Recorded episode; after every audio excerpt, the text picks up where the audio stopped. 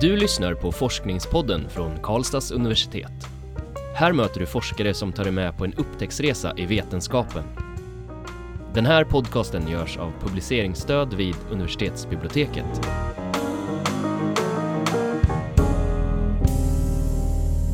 Välkommen till Forskningspoddens specialserie om genus och jämställdhet i akademin, från ord till handling. I sju avsnitt ska vi diskutera forskningens perspektiv på akademins manliga historia, könssegregering, våld, normkritik och mer därtill.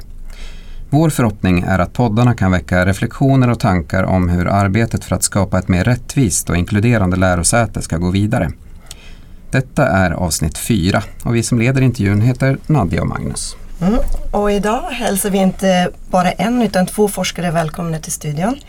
Varmt välkomna Carolina Järnbro och Maria Schäffer Lindgren. Tack, Tack så mycket. Ni är båda disputerade i folkhälsovetenskap och arbetar nu som lektorer i folkhälsovetenskap och socialt arbete här på Karlstads universitet. Och anledningen till att vi intervjuar er tillsammans är att ni båda har stor erfarenhet av forskning in, om våld i nära relationer. Eh, och Carolina, du har i din forskning inriktat dig på barn och ungas erfarenhet av våld. Ja, stämmer. Det stämmer. Och um, ditt forskningsintresse Maria är, har kretsat mycket kring mäns våld mot kvinnor i nära relationer också. Ja, det mm. stämmer. Så vi börjar med en fråga bara för att etablera begreppet. Um, hur skulle ni, vad, vad innefattas av begreppet um, våld i nära relationer? Mm. Ja, våld i nära relationer det kan handla om våld i en heterosexuell relation eller en samkönad relation. Och det kan också handla om att barn eh, misshandlas eller bevittnar, upplever våldet eh, mellan vuxna i familjen till exempel. Det kan också handla om heder, eh, hedersförtryck ingår också i det begreppet. Så det är ett väldigt stort begrepp. Mm. Och i det finns det olika former av våld också. Det är fysiskt och psykiskt sexuellt. Det kan vara materiellt och ekonomiskt. Har jag missat något? Latent våld Latent. är lite spännande. Mm. Vad är det för någonting? Ja det är ju liksom enkelt uttryckt att våldet hänger i luften. Mm. Alltså om man lever i en destruktiv relation så kan det ju räcka med att förövaren skramlar lite i kökslådan bland knivarna. Okay. Så, som ett mm. exempel så vet man att det kan räcka. Mm. För att sätta mm. igång processen ja. hos den ja. utsatta. Så det, ja. du behöver liksom det finns ingen grad, grad av våld som måste uppnås för att man ska prata om våld i nära relationer utan en hot om våld kan också räknas in i det. Ja, hot, alltså det är ju väldigt, det är ju viktigt att ha den här breda definitionen, det. eller hur Carolina? Och jag tänker om man ser det i ett eh, strukturellt perspektiv när det gäller då mäns våld mot kvinnor som är viktigt att tala om. Alltså då kan man inkludera eh, barngiftermål, eh, porr, trafficking, könsstympning, mm. till och med abortering av kvinnliga foster som har förekommit mm. i vissa delar. Mm. Alltså det är väldigt viktigt att ha den här breda mm. definitionen för att förstå det på ett strukturellt plan. Precis. jag.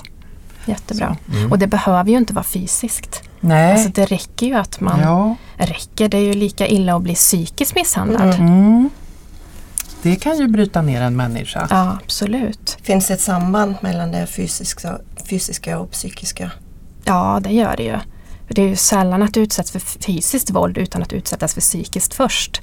Mm. Oftast så trycks man ju ner som person så att självkänslan krymper mm. innan man utsätts för det fysiska. Men det fysiska behöver inte ens finnas där för att Nej, vara våld. Det, det, man kan ju bryta ner en person bara med psykiskt förtryck så. Där måste jag säga något. Jag lyssnade på en väldigt spännande föreläsning. Nu kommer jag inte ihåg vad den här äldre mannen heter men han har ju myntat ett begrepp hur man nu uttalar det, coercive control. Mm. Alltså som ett väldigt effektivt sätt att bryta ner en människa mm. psykiskt där man inte behöver egentligen utöva fysiskt våld. Och han angav något sånt här exempel när det gäller sexuellt våld. Om man till exempel som förövare binder offret första gången, liksom och utövar sexuellt, en sexuell handling, då kommer den personen aldrig att säga nej sen. Även om, mm -hmm. då behöver man inte liksom utöva tvång, eller vad man ska säga. Mm. Ja. Mm. Um, och det, så det psykiska våldet, alltså det är ju det som, eller hur Carolina? Det syns ju inte utanpå men det är nej. det som sätter de djupaste spåren. Precis. Jag vet, jag minns fortfarande en av alla kvinnor jag har intervjuat. Hon, hon sa, eh, beskrev att hon eh, hellre bad honom slå henne. För att det var liksom lättare Mm. att ta än den här psykiska. Att det går Terrorn. över på något sätt. Ja, Mm. det går över. Det tar inte lika hårt som den här liksom dagliga psykiska terrorn om man då lever i en sån destruktiv relation. Mm. Det gäller ju, detsamma gäller ju barnen. De säger precis samma sak. Mm. Att det psykiska våldet är mycket värre än att bli slagen någon gång då och då. Just det att bli nedtryckt. Mm. Det är så svårt att förstå att den som gör så mot en gör fel. Mm. Där man lägger ofta skulden på sig själv. Mm, okej. Ja, det är ett väldigt rikt område eh, och stort och komplext förstår man ju då. Men eh, den här podden handlar ju om, om jämställdhet och, och genus och så. Så vad kan man säga, hur hänger det här med våld i nära rel- relationer ihop med, med jämställdhet? Ja, det kan ju jag säga. Jag, som genusvetare kastade jag mig in i mitt forskningsområde med könsmaktperspektiv totalt. Eh, sen har jag ju liksom efterhand insett att det är ju mer komplext än så. Men det är väldigt viktigt att ha det här jämställdhetsperspektivet eller könsmaktsperspektivet som en grund i förståelsen av våld. Och det är viktigt att prata om kön. Mm. Och där tänker jag ju de här begreppen våld i nära relation eller mäns våld mot kvinnor i nära relationer. Och det är viktigt att ha våld i nära relationer eftersom det kan inkludera andra eh, former av misshandel. Mm. Men eh, alltså det är också viktigt att prata om det här med mäns våld mot kvinnor. För vi, Mm. utifrån den kunskapen vi har så vet vi ju att eh, kvinnor är mest utsatta just när det gäller den formen. Och, pra, och pres- då är det ju också viktigt att prata om det eh, för att det inte riskerar att osynliggöra Mm. vad det faktiskt handlar om. På, just nära relationer, är det egentligen hemmet man pratar om då eller hur kan det Ja. vara? Mm. Det säger jag, det Ja, tänker jag. framförallt är det ju det. Den Men jag tänker i en hederskontext kan det ju vara så att det är ett helt kollektiv, en grupp som utsätter mm. eh, personer f- för ja, förtryck. Mm. Mm. Men det är privatlivet ändå? För jag Ja, tänker man kan ha en nära Mm. rela- relation på jobbet. Men, Ja. men det är kanske någon liten annan fråga? Då eller? är Ja. det lite en annan. Då Ja, är det mer Alltså vi menar ju mer i- mobbning, tänker jag, om det Mm. sker Ja. en Trakasserier. ja, trakasserier och Ja, mobbning. Då faller det liksom in under något annat. Mm, och det leder mig över till nästa fråga. För Mm. eh, hur, eh, ja, varför behöver vi som arbetar i akademin, om man, om man vrider det till vår verksamhet här på universitetet, varför behöver vi ha kunskap om våld i nära relationer? Mm. Ja, men det tror jag är jätteviktigt för att vi vet ju till exempel att det är unga personer som är mest utsatta. Brås statistik vi- visar ju det att det är 16 till 34-åringar tror jag som är den grupp som utsätts mest. Mm. Och det tänker jag är våra studenter. Mm. Så det är klart att vi som jobbar här som lärare måste ha en viss kunskap om det här för att kunna se det här. Upptäcka och hjälpa. Tänker jag är också en del av Mm. vårt uppdrag faktiskt. Mm. Mm. Alltså kunskap är ju A och O Ja. och då tänk, kommer jag in på det här att i och med att vi vet att det är så pass vanligt så kan det också hända att någon anställd Mm. faktiskt är utsatt. Mm. Det glömmer man gärna bort i den här Mm. diskussionen men Precis. det är klart att det, Mm. Att det finns. Jag läste faktiskt precis i en, i en eh, tidskrift där de hade kollat på våld i nära relationer att det, det här var i Tyskland men då har var fjärde kvinna som man har frågat varit utsatt för våld i nära relationer någon gång under sin livstid. Mm. Är det en siffra som stämmer även här i Sverige eller hur?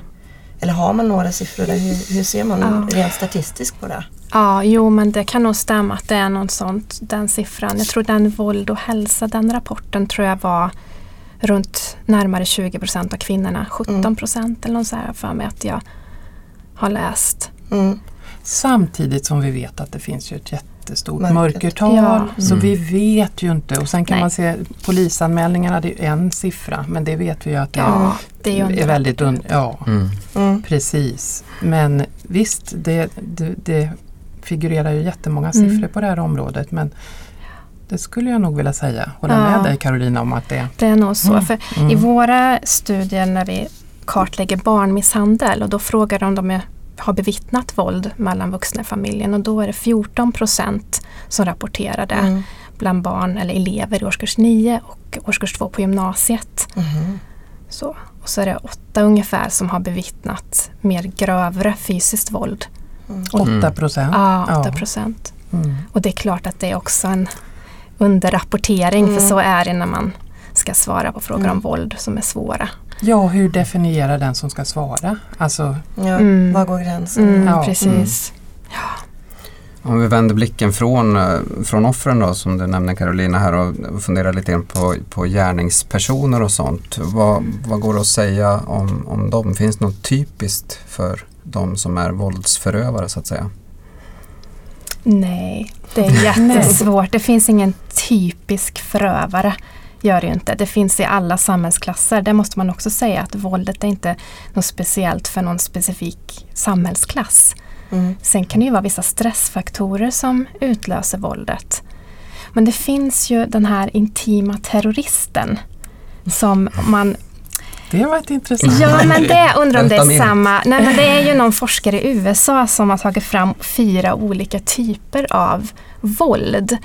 Och en typ av våld är det här, det som framförallt män utövar nästan enbart och det är det här intima terroristvåldet och det är just det här kontrollvåldet framförallt där det finns ett väldigt tydlig kontroll och där det är en väldig rädsla hos, hos offret och det är ju, tänker jag, en person med väldigt psykopatiska drag.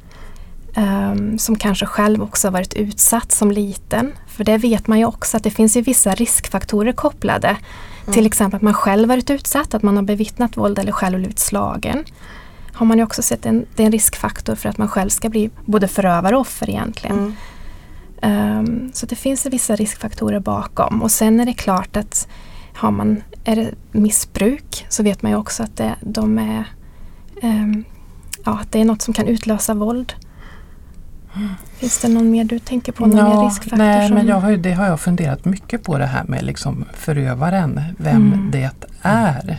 Eh, och det syns ju inte utanpå som du Nej. säger utan det finns ju i alla samhällsklasser och, och så och det är ju liksom ett globalt fenomen.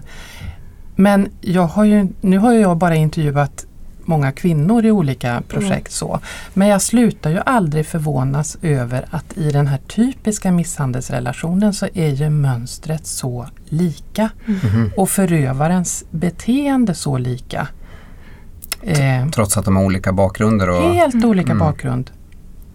Så att det är ju något som vi behöver klura mer på. Det görs ju så. mm. Men alltså klura ut att vi behöver bättre kunskaper Mm. även om det finns Mm. vissa så. Vilka mönster är det som du har sett? Ja, det är som du säger vissa riskfaktorer. Mm, Alltså mm. jag brukar ju säga, alltså när du säger det här med psykopatiska drag, det har Mm. jag haft väldigt svårt att ta i min mun när jag Ja. tittat. I och med att jag kastar mig in i det här med kön, det är bara Mm. könsmakt, det är bara ojämställdhet. Alltså när, när de berättar, de här utsatta kvinnorna berättar sina eh, historier så, så alltså någon form av personlighetsstörning, vad den nu beror på, det finns ju med i bilden. Och det, alltså det är därför det här är så komplext. Alltså jag brukar säga en man med taskig barndom, dålig anknytning kan, och något psykiskt problem och, och eventuellt missbruk, det är inte typiskt. Eh, och dessutom en dålig kvinnosyn. Alltså Mm. det är många faktorer ihop. Mm. Eh, Mm. Sen har, finns det ju olika teorier om det där att man liksom utövar makt eller att man ska som man då ska återerövra någon Mm. makt Okej. som man säger sig ha förlorat. Mm. Jag är inte inne på mansforskningsområdet så. Mm. Eh, men det finns ju lite olika teorier men alltså det där, vi behöver veta Mm. mer. Mm. Men det är, jag skulle vilja säga att det finns en typisk misshandlare på ett sätt. Mm. Så när man tittar på hur de Mm. mönstret och hur de Mm. beter sig i en relation. I en, Mm. Men eh, det syns inte utanpå. Mm. Och det förekommer i alla Klasser och... klasser och Mm. grupper och så. Går, går det, jag bara funderar på tendenser, liksom, histor- om man tittar bakåt. Är det, någonting, är det någonting som vi ser ökar i samhället eller minskar? Eller, vi har ju pratat om jämställdhet i, i 60 år och Mm. sådär. Sker det någonting sådär? Sker det några förbättringar så att säga? Mm. Eller vilket håll är vi på väg åt? Ja, jag kan ju svara lite mer åt barn, barnmisshandel och barn som bevittnar våld så ser vi en liten tendens till minskning faktiskt. Eh, och då framförallt, om vi säger barnmisshandel såklart, där har vi också lagen som gjorde rätt stor skillnad 79 och sen ser man ju en kraftig Mm. minskning fram till 2000-talet och sen har det varit lika. Och vi ser när det gäller bevittna våld eh, så är det ungefär på samma nivå har varit sedan 2000. Så att det är inte det är ingen jätteminskning men det verkar inte öka i alla fall. Mm. Och det ser vi inte riktigt i den statistiken eh, som finns. Det finns ju inte jättemycket bra statistik att tillgå. Det har gjorts en del studier men inte det är svårt att jämföra studier också, mm. de är så himla mm. olika. Mm. mm. Vi har ju data, vi har samma frågor i våra studier där vi kartlägger om våld mot barn just. Men ja, Mm. Sen har det tillkommit nya fenomen som vi måste handskas med. Det är ju det här ja. med porren. Ja. Mm. Övergrepp på nätet som vi liksom inte riktigt ja, har mm. eh, som är mm. riktigt mm. allvarligt. Så. Kanske inte mm. precis våld i nära relation alltid men ändå. Det liksom behöver komma med i den diskussionen Absolut. om olika typer av våld. Så. Det tror jag är jätteviktigt. Just med det här med sexuella det sexuella våldet och det ser vi också att ungdomar, tjejer, i våra studier så har vi ju tjejer som varit utsatta, alltså 40 procent som varit utsatta för sexuella övergrepp. Mm. 40 procent av de flickorna mm. i årskurs 9 och årskurs 2 på gymnasiet och det är mm. ju ofta av en bekant eller mm. okänd jämnårig som man utsätts. Mm. Så att det är ju Ja, det, ja, det här behöver vi verkligen ta tag i det. Och det vanligaste är att man blir tafsad på liksom, mm. mot sin vilja. Mm. Kysst eller tagen på mot sin vilja. Mm. Och där, det är ju viktigt att du säger det här med unga tjejer. För det är också ja. viktigt att lyfta det här med könsaspekten. Alltså. Absolut. Mm. mm. Så att man talar om det på rätt sätt. Mm. Och jag tänker här, har det, frågan har det hänt något? Jag har gjort en kartläggning nu i Värmland när det gäller aktörers olika insatser i regionen mm. som egentligen Jämställdhetsmyndigheten skulle göra men de hade inte mm. tid. Och så skulle länsstyrelserna göra det men länsstyrelsen har inte heller haft tid. Och då har jag gjort eh, tre stycken fokusgruppintervjuer, jätteintressant och lärorikt och då var det bland annat polisen med. Eh, och jag, jag minns så tydligt hur hon sa, och hon sa dessutom så mycket kloka saker, men det här Ja, hon sa någonting att ja visst har det, har det hänt något men vi pratar ju på samma sätt. Alltså mm. Mm. vi brottas fortfarande med samma problematik. Jag menar, det har mm. hänt jättemycket om man jämför med några decennier sedan när det gäller information, utbildning, lagstiftning är vi ju jätteduktiga på mm. i Sverige. Men liksom att få det att omsättas i praktiken. Mm. Och där pratar man ju mycket de, de som jag intervjuade nu. Alltså det handlar ju om att förändra normer och attityder. Mm. mm. Alltså det är ett jämställ, i grunden ett jämställdhetsproblem. Eh, mm. Mm. Eh, jag skulle vilja, ni har ju lite olika forskningsbakgrund och jag skulle bara vilja komma tillbaka de, till de här frågorna kring likheter och skillnader om man jämför våld mot barn och eh, alltså i hemmet och våldet mot kvinnor i nära relationer. Finns det några skillnader eller likheter som ni kan mm. visa? Jag tror mycket av konsekvenserna är nog ganska lika. Alltså mm. konsekvenserna för de som utsätts, att man har mer, mer psykosomatiska symptom till exempel. Ont i magen och mm. sådana saker. Men jag tänker en stor skillnad är ju faktiskt att barn som utsätts när de är små, när de utvecklas, kan ju vara förödande för mm. deras fortsatta utveckling. När barns hjärna växer ju och utvecklas väldigt mycket de första åren och utsätts man då så är det ju ja, det mm. skadar mm. ju barnet för all framtid. Och man har verkligen inget val mm. att lämna. Sina, mm. Alltså där är man ju fast, där är man beroende av att någon annan vuxen ska mm. upptäcka mm. våldet och göra någonting åt det. Så det är ju den absolut stora skillnaden. Mm. Att barn är ju helt beroende av sina föräldrar, helt mm. utlämnade och särskilt under den första, de första åren när de kanske inte ens pratar. Så att, och sen vet vi att barn är otroligt lojala till sina föräldrar också. Så att även om de blir äldre så berättar de oftast inte faktiskt. För de skäms eller eh, Ja, det lojalitet. kan vara precis det är lojalitet men det är också det att de skuldbelägger sig själva och, och som du säger, de skäms också. Mm. Så Det är skamligt och det är väldigt mm. tabu att prata om mm. våld överhuvudtaget. Mm. Den lilla familjehemligheten. Ja, precis. Ja. Ja, nej men där tänker jag lite det här med sam alltså det, vi, vi, vet ju att det finns ett samband mellan våld mot barn och våld mot Mm. alltså vuxna i nära relationer. Förekommer det våld mot en annan vuxen, alltså förälder, så förekommer det ofta någon form av våld mot barnen Mm. också. Mm. Alltså de blir på ett eller annat sätt blir de ju, Ja. barnen utsatta. Det sägs ju till och med, att det är till och med värre för ett barn att bevittna våld mot en förälder än att bli utsatt Mm. själv. Mm. Eh, och nu på senare år har man ju dessutom pratat om sambandet mellan husdjursmisshandel Aha. och våld i nära relationer. Alltså någon som är taskig mot sin hund. Mm. Då ska Mm. det liksom ringa Mm. en liten klocka. Mm. Så, Mm. så att, eh, mm, Ehm, alltså när man, när man hör debatterna som går så är det, jag tycker den frågan varför för, gör hon inget, varför lämnar hon inte, varför de frågorna kommer upp ganska ofta i debatterna. Så varför gör kvinnor inte det? Varför går de bara ifrån? Ni sa barnen kan inte men hur är det med vuxna? Ska jag ta den? Det tycker jag. Ja, det går ju att säga mycket om det. Eh, ehm, men där, alltså för att förstå det här varför man stannar i en destruktiv relation. Alltså för det första är det ju väldigt viktigt att veta att det är, en, det är ju en kärleksrelation i grunden. Åtminstone från offrets sida. Alltså det måste man ha med sig hela tiden när Mm. man tänker på det här. Och sen har vi, pratar vi, återkommer vi hela tiden till det här vi kallar normaliseringsprocessen. Alltså i en typisk eh, misshandelsrelation.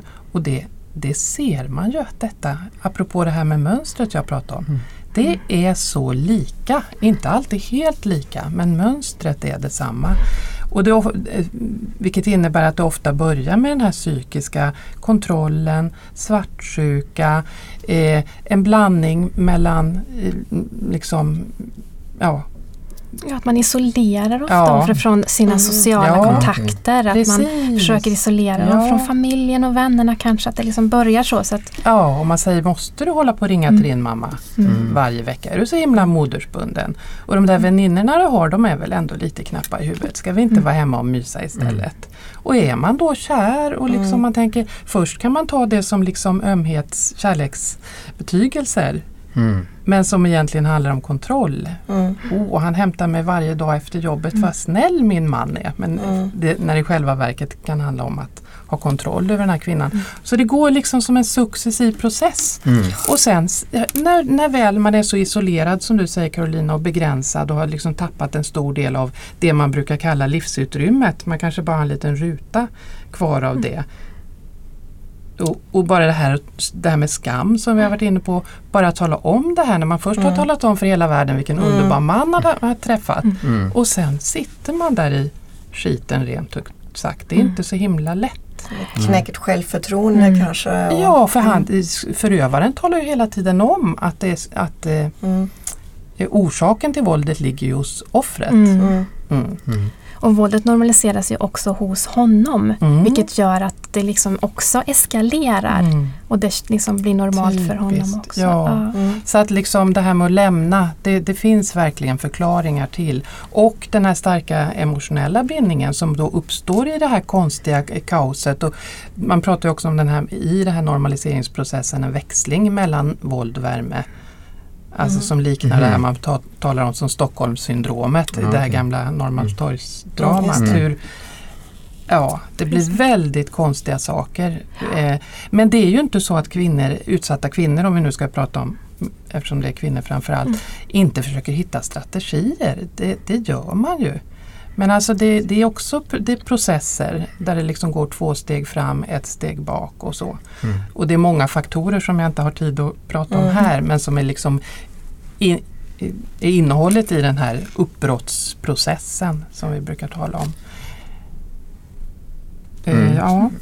Jag funderar på en annan sak. eh, Alltså vi pratar, eller våld i nära relationer när man hör i, i den allmänna debatten när det gäller vuxna och så att det ofta handlar om mäns våld just mot kvinnor. Och vi har pratat lite om det eh, hittills också. Men vad kan man säga om andra aspekter som etnicitet och klass? Du nämnde ju lite inledningsvis samkönade Mm. relationer och så också.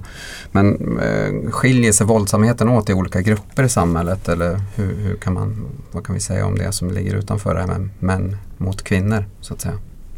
Mm. Jag tänker heder är väl en sån sak som skiljer sig extra mycket som vi varit inne på. Mm. Det här med att det inte bara en förövare utan det kan Mm. vara ett helt kollektiv.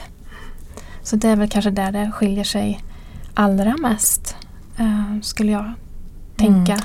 Alltså det är ju både lika och olika. Och vi talar ju mycket idag, vi försöker ju liksom synliggöra olika särskilt utsatta grupper. Alltså våld mot äldre, våld mot funktionshindrade, eh, våldsutsatta kvinnor i, som lever i missbruk och så. Där det är, eh, och det är ju viktigt. Eh, och hedersrelaterat våld är ju också det är ju ännu mer komplext. Mm. Men jag skulle vilja säga att alltså, det är ju både lika och olika. Och jag vet jag har en kollega uppe i Umeå, Monica Burman, hon blir jätteirriterad på det här att man delar upp i grupper. Mm. För hon menar mm. att det skapar bara ett stigma. Mm. Det handlar i grunden om samma sak och det skulle jag vilja hålla med henne om. Att det är också viktigt att se att liksom, i grunden är det ju liksom mm. samma sak fast det kan se ut på lite olika och då även mm. kvinnor mot män kanske, att det blir samma mönster eller skillnad där? Om, ja, jo men det tror jag. Mm. Ja. Är det någonting som forskningen har tittat på, eller liksom kvinnors våld? Alltså man, Ja, man har ju börjat till, man har gjort vissa sådana enkätstudier mm. där man har tittat på mer frekvenser och så. Mm. Och, och, visst, det förekommer ju. Men jag vet Brå kom ut med någon rapport där de menar att eh, när det gäller mäns våld mot kvinnor i nära relationer så är ändå våldet grövre och mer systematiskt så. Eh, men det är ju intressant för jag menar om man ska titta ur ett jämställdhets eller genusperspektiv, mm. hur skämmigt är inte det för en man att bli utsatt? Alltså mm. om man vänder på det mm. och polisanmäla och säga min fru slår mig. Mm. Så. Så att det är jätteviktigt att lyfta alla varianter men, men det gäller att hålla synligt mm. det som är. Jag tänkte vi skulle vrida det lite, samtalet lite mer mot akademin och så. En, en sak eh, som jag funderar på är det här med metoo-rörelsen som ju haft ett enormt, åtminstone medialt genomslag och så. Eh, och även inom universitet och högskolor så var det många som skrev på det här akade, akademikerupproret. Eh, förra året var väl det, mm. samlade tusentals underskrifter mot sexuella trakasserier och sexism inom akademin. Men, Eh, kan ni utifrån er utblick eh, se att metoo haft någon betydelse för de frågor som ni är intresserade av? Alltså kring våld i nära relationer? Oj, det här var den svåraste frågan. Nej men alltså det tror jag att det har, men jag tror inte att vi ser det riktigt än. Men jag tror att det har betydelse. Jag tänker på just det här sexuella våldet i ungas relationer. Så tror jag absolut att det kommer att ha betydelse. Uh, det känns som att, att man har fått upp det på, har fått upp det på bordet. Ja. Och det har också kommit en samtyckeslag mm. som jag tror, som jag hoppas kan ha betydelse. Mm. Jag tror man kanske... Och den har haft redan? Ja, det har han ju faktiskt Minst haft. Ja. ja. Kan du berätta lite om det Maria? Nej, jag vet inte så mycket om den, måste jag erkänna. Eh, Nej, men visst. Eh, alltså det har ju hänt. Det har ju pratats, det har kommit upp på bordet som du säger mm. Magnus. och Så Så att det, det, är ju verkligen en enorm kraft mm. i den här mm. hela metoo-rörelsen som liksom inte går att stoppa. Men det kanske kommer, men det har ju inte fått jättestora genomslag i praktiken skulle jag vilja säga, mm. än. Och det tar tid. Eh, och sen är det ju lite intressant vad som händer när en sån här stor kraft kommer. Mm. Att det, det, uppstår ju alltid antikrafter och det skulle jag vilja säga att det har, ju, det har ju förekommit en ganska stark antikraft och som också har fått väldigt mycket utrymme i media. Så att det där är, det är intressanta mm. Du tänker processer. på det här att man... Jag behöver inte nämna några namn men det är, det är ju vissa mm. män som har fått väldigt mycket utrymme. Mm. Mm. Om, om vi blickar lite inåt här och kommer tillbaka till lärosätet eller bekanta som, som vi har. Eh, går det att se tecken på att någon får illa eller eh, att någon utövar våld på, på någon, av, någon vi stöter på? Kan vi? Mm. Eh, det behöver inte finnas några fysiska tecken. Så det kan det göra. Eh, det finns fysiska tecken som kan visa att personen varit utsatt för våld men det är oftast ingenting som syns utanpå. Mm. Men det kan ha en ändrad, ändrat beteende, personen är väldigt tyst eller ja, det, att man ser att det sker någonting i samband med att den här personen har träffat en person eller gått in i en ny relation. Eh, Så det kan man göra och det kan vara Vi pratade om den här isoleringen förut. Ja men precis. Kan det vara tecken att någon drar sig undan? Ja, liksom, det kan vara. Att man inte är med på after work kanske i Mm. samma utsträckning. Att man ser att personen liksom drar sig undan lite grann och umgås mer och mer med sin partner på ett sätt som kanske inte är sunt alla gånger. Sen är det ganska normalt att man kanske gör det en period men, men ändå att man ser att det här mönstret följer. Jag vet inte Maria om du har något där som du vill tillägga? Ja, där tänker jag ju direkt på, jag var tvungen att ta med mig det här, Alla Kvinnors Hus här i Karlstad har ju en jättebra sån här lista med varningssignaler. Det kanske inte är typiskt kollegor emellan, men alltså det finns ju ett antal sådana här signaler som är väldigt viktiga att eh, eh, om man ser det, paret i alla fall, det här att han vill ha, om vi nu ska prata om han som förövare, han vill ha dig helt för sig själv. Ja, som du sa, inte gå på after work. Han är mycket svartsjuk. Han talar illa om dina vänner. Han kräver att få veta vart du går och när du kommer hem. Han är omotiverat upprörd mot andra, slår sönder saker i ilska, anmärker på ditt sätt att klä dig, anmärker på ditt sätt att prata, påstår ofta att du ljuger, får dig att välja dina ord när du ska berätta något. Det här är ju inte kanske, men det går ju att koppla till hur man blir som person av att leva i en sån Mm. Relation, Mm. det du pratar om. Mm. Eh, Kanske gå Mm. klädd på ett annat sätt helt plötsligt. ja, Eller, mm. precis. Lite förändrat beteende. Så. Det gäller både förövare och offer egentligen då? Alltså förändrade beteenden, Ja, eller? Alltså, jag förändrade hos förövaren. Jag skulle vilja säga att förövar, förövarbeteendet för en person förändras ju tyvärr inte. Alltså Mm. varken till det sämre. Alltså, Mm. Man brukar ju säga det här, åh är det inte så att de här misshandlade kvinnorna hamnar i en, en liksom ny destruktiv relation efteråt? Mm. Så kan det ju vara för att man är väldigt sårbar och liksom Mm. förstörd så. Men det vi vet är att förövarna, alltså de utövar ju våld Mm. i, De upprepar. Nästa. upprepar Mm. i relation efter relation. Mm. Mm. Och det är också väldigt viktigt. Ja. Om, om det skulle vara så att vi tror att en nära vän eller kollega eh, far illa, vad, vad är det vi ska göra? Har ni några tips? Hur ska vi gå tillväga och ställa frågor Mm. eller? Ja, våga Absolut. fråga, Mm. våga bry dig. Sen kanske man inte får det svar man liksom hoppas på. Men bara att någon har brytt sig kan faktiskt rädda Mm. liv. Absolut, och stå kvar. Mm. Så man inte blir irriterad om personen inte drar sig undan eller kanske blir lite sur på man, om Mm. du ställer frågor till exempel. Att man ändå står kvar och säger men jag finns här och du kan Mm. ringa mig och erbjuda hjälp. Och är det så att det är en person som faktiskt har tänkt att lämna kan den personen faktiskt behöva väldigt mycket praktisk hjälp. Mm. Kanske någonstans att bo periodvis eller Mm. hjälp med flytt. Eller jag tänker bara ställa upp för den personen Mm. så mycket som möjligt. Men det som du sa Maria, det här att faktiskt våga fråga.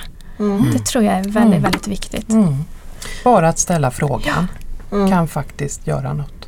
Jag vet att det här är inte in, ingår, ni har inte i era forskning tittat på universitet och lärosäten så, men, men eh, har ni ändå någon sån här intryck av hur universiteten har jobbat med de här frågorna eh, hittills? Har det varit, har det, har det varit på bordet? Så, så vitt ni har mött det? Inte sådär jättemycket. Vi som, jobb, vi som håller på med detta och försöker undervisa Mm. så mycket vi bara kan kämpar ju på. Men, Ja. men det, nu tänk, känner jag att det ändå kanske har hänt någonting och nu står det ju i högskoleförordningen Mm. att nu ska ju det här in med alltså våld och våld i nära relationer som moment i socionomprogrammet och andra professionsutbildningar. Så Mm. nu är det ju mer eh, så nu fick ju till Mm. exempel jag äntligen igenom att våra blivande socionomer ska ju gå en obligatorisk kurs sin sista termin när det gäller våld i nära relationer. Det har Mm. inte varit helt enkelt men nu har jag fått Mm. igenom det. Ja. Och Yes. det är ju självklart att det ska finnas, tänker jag, i de Mm. utbildningarna Mm. och som faktiskt Ja. möter, som inom hälso och sjukvården till exempel. Där man möter de här kvinnorna som Mm. kommer med oförklarliga, eh, oförklarlig verk egentligen kanske i kroppen och så. Mm. Att man vet att det Mm. faktiskt kan vara våld som ligger bakom, att, Mm. man, att man vågar ställa de här frågorna. Det är jätteviktigt. Så Så det att- finns ju, vi jobbar ju på saken men det behöver, göra, det behöver spridas Mm. mer så Mm. att Mm. Kunskaperna blir bättre Mm. och beredskapen när man kommer ut i sitt yrkesliv. Mm. Så. Mm. Men, men ni tycker det ska vara en del av undervisningen men, eller är det någonting ni känner att inom personalen att vi borde få någon utbildning i de frågorna? Alltså en sak Mm. som jag tänker på är till exempel nollningar. Hur man ska hantera dem för där tänker jag kan det hända väldigt mycket Precis. som, Mm. som inte är önskvärt. Precis. Eh, och att man får upp ögon för det. Hur tror ni att vi skulle kunna göra någonting ja, på personalnivå och Ah, jobba med ja. Absolut! Det skulle vara väldigt skulle- välkommet. Hur skulle man kunna göra det? Ja, jag tänker Från- med seminarier kanske. Men det är Mm. oftast få som dyker upp Mm. och det, Mm. det måste göras på ett sätt så att många kan faktiskt gå på dem. För annars så blir det här att nej, majoriteten har undervisning och kommer inte. Mm.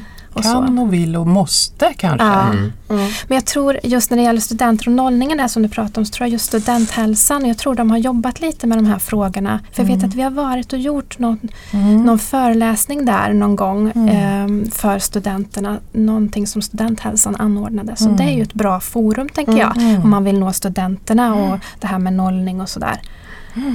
Jag vet att studentfacket hade ju någon sån här jämställdhetsvecka för det var rätt många år sedan nu. Då var jag inbjuden och prata om våld i nära relationer och det kom inte någon. jag fick ta min blombukett och gå hem igen. Man skulle ju kunna hoppas att det skulle Mm. vara lite större intresse idag. Men det är kanske på grund av metoo och Mm. det här att det Mm. faktiskt... Sen, sen, ja, absolut. Mm. Eh, Sen tror jag just att det är väldigt mycket många som tycker att det här är en kvinnofråga. Mm. Och det är det inte. Utan det är högsta grad en mansfråga. Och det är ofta så, det ser vi på våra kurser, eller de kurser jag håller i våld i nära relationer, att nästan alla är kvinnor. Mm. Det kanske kommer en eller två män Mm. i bästa fall. Och sen är resten kvinnor.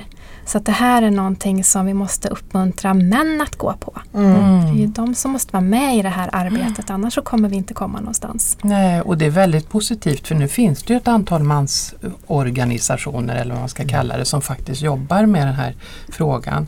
Igår läste jag i Värmlandstidningen var så coolt, det var tre hockeykillar som liksom eh, går ut nu och, och föreläser för att bryta machokulturen inom Mm. hockey Mm. eftersom det hänger ju ihop allt det här. Mm. Så. Mm. Eh, så det är liksom, det tas initiativ, Mm. man börjar liksom ifrågasätta olika liksom förväntningar och föreställningar och normer och så. Så det kanske händer mer än Mm. vad man tror när man är i det. Får hoppas det. Mm. Lite på olika, poppa upp Mm. på lite olika ställen. Ja. Ja, Större rörelse. precis. Eh, jag tror våran tid är tyvärr slut. Det var jättespännande att prata med er. Ehm, så varmt tack till både er, Carolina och Maria. Tack. och Tack. att ni har gäst- gästat Forskningspodden.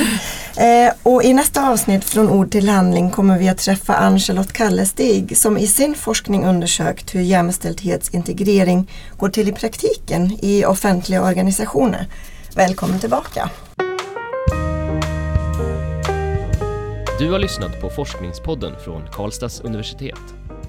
Den här podcasten görs av publiceringsstöd vid universitetsbiblioteket. Alla avsnitt hittar du på kau.se forskningspodden.